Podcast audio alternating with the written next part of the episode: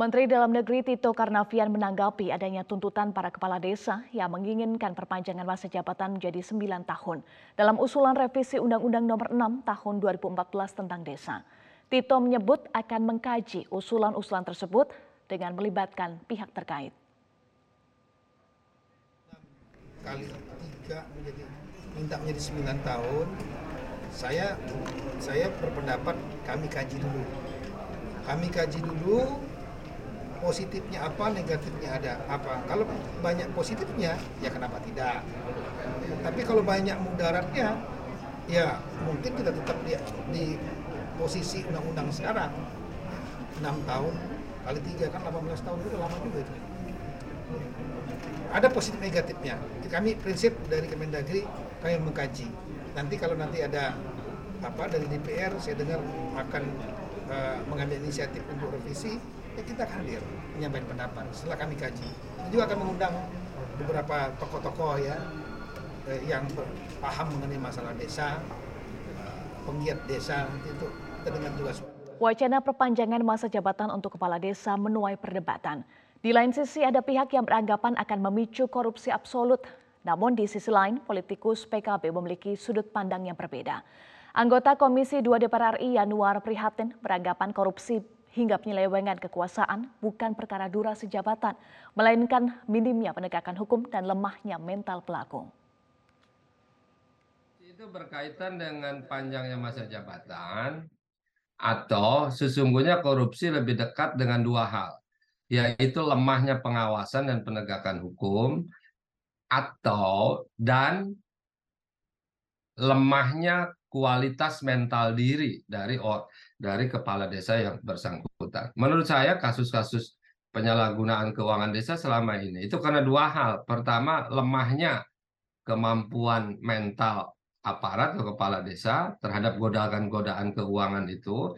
Ya kalau itunya lemah ya sehebat apa pun sistem berapa panjang berapa pendek masa jabatan tetap saja akan menjadi masalah. Yang kedua jangan lupa penegakan hukum, pengawasan dan penindakannya boleh dicek di lapangan.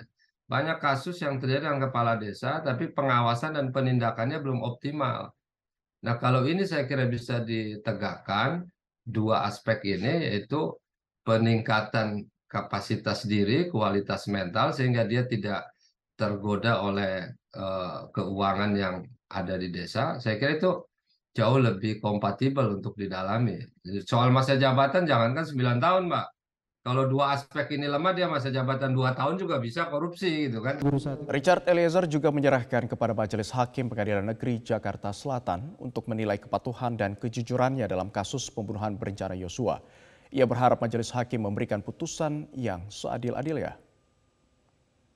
Apabila ada yang mengganggu ketaatan dan kepatuhan saya, apabila ada yang menganggap ketaatan dan kepatuhan saya membabi buta, maka pada malam hari ini saya menyerahkan kepada kebijaksanaan majelis hakim.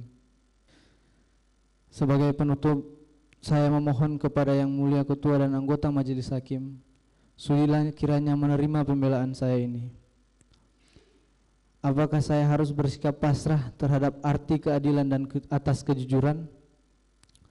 Saya akan tetap berkeyakinan bahwa kepatuhan, kejujuran adalah segala-galanya dan keadilan nyata bagi mereka yang mencarinya. Bahwa sekalipun demikian, apabila yang mulia ketua dan anggota majelis hakim sebagai wakil Tuhan ternyata berpendapat lain, maka saya hanya dapat memohon kiranya memberikan putusan terhadap diri saya yang seadil-adilnya. Kalaulah karena pengabdian saya sebagai seorang ajudan menjadikan saya seorang terdakwa, Kini saya serahkan masa depan saya kepada putusan majelis hakim. Selebihnya saya hanya dapat berserah kepada kehendak Tuhan. Demikian pembelaan pribadi yang dapat saya sampaikan dengan harapan dapat dikabulkan oleh yang mulia ketua dan anggota majelis hakim.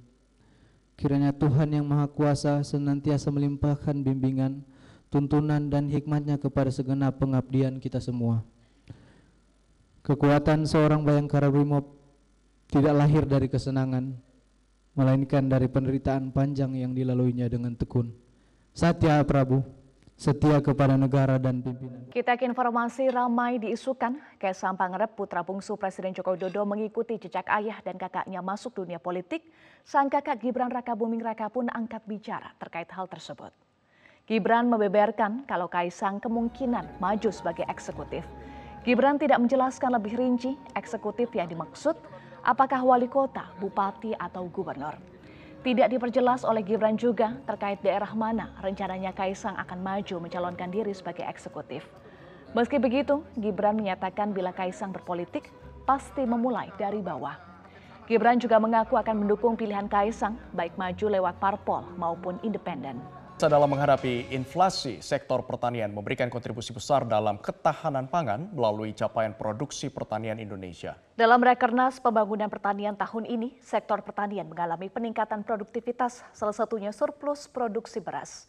Rapat Kerja Nasional Pembangunan Pertanian 2023 dibuka secara simbolis oleh Wakil Presiden Ma'ruf Amin.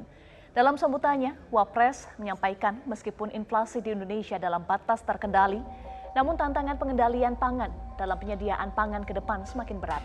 Maruf Amin juga mengingatkan agar jumlah surplus beras dapat terus ditingkatkan agar produksi beras Indonesia juga meningkat. Kepada Wakil Presiden, Menteri Pertanian Syahrul Yassin Limpo melaporkan pembuktian bahwa inflasi Indonesia yang rendah dapat diatasi karena sektor pertanian dapat membangun dan memberikan kontribusi besar dalam ketahanan pangan. Dengan swasembada padi yang mendapatkan penghargaan dari International Price Research Institute. Sehingga nilai ekspor sektor pertanian saat ini melebihi 50 persen dengan kontribusi sebesar 658 triliun dan masih terus bertambah. Nilai tukar petani dan nilai tukar usaha pertanian juga naik dari angka 99 persen menjadi 109 persen. Pemirsa dua jenazah korban pembunuhan berantai Wawon CS yakni Siti Fatimah asal Garut dan Halimah asal Bandung Barat, Jawa Barat pada Rabu sore kemarin tiba di Rumah Sakit Polri Kerabat Jati, Jakarta Timur. Setibanya di Rumah Sakit Polri Jakarta Timur, dua jenazah wanita korban pembunuhan berantai Wawon CS langsung dibawa masuk ke ruang forensik. Petugas akan melakukan pemeriksaan lanjutan untuk mengetahui penyebab pasti kematian keduanya. Sebelumnya pemirsa tim forensik Rumah Sakit Polri melakukan pembongkaran makam korban bernama Siti Fatimah di kawasan Garut, Jawa Barat pada Selasa kemarin. Sementara pembongkaran makam korban atas nama Halimah dilakukan pada Rabu siang di TPU Islam Kampung Saar Mutiara Cililin di Bandung Barat, Jawa Barat. Pemirsa Komisi Pemberantasan Korupsi akhirnya resmi menahan mantan Panglima Gerakan Aceh Merdeka atau GAM Izil Azhar di rutan KPK Kafling C1 dini hari tadi. Tersangka Izil menyampaikan permohonan maafnya kepada masyarakat Nanggro Aceh Darussalam.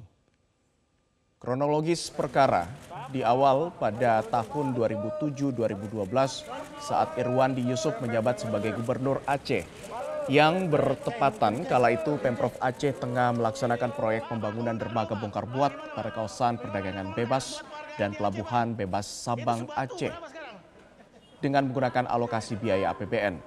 Saat proyek tersebut berjalan, Irwandi Yusuf selaku gubernur diduga menerima uang dan gratifikasi dengan istilah jaminan keamanan dari pihak swasta, pihak board, PF Management, dan PT NA, yakni Heru Sulaksono dan Zainuddin Hamid.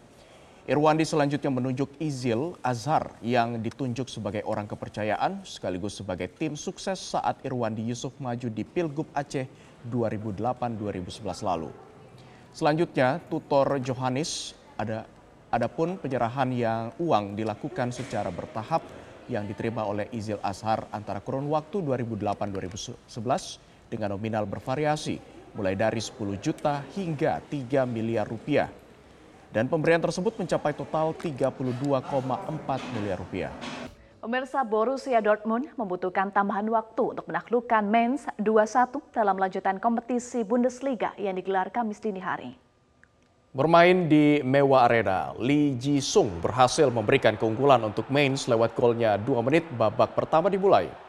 Dortmund langsung membalas lewat gol Julian Rierson 2 menit berselang di mana tiga menit injury time berjalan, Giovanni mencetak gol kemenangan Dortmund atas Mainz. Hasil 2-1 tidak memperbaiki posisi Dortmund yang berada di peringkat 5.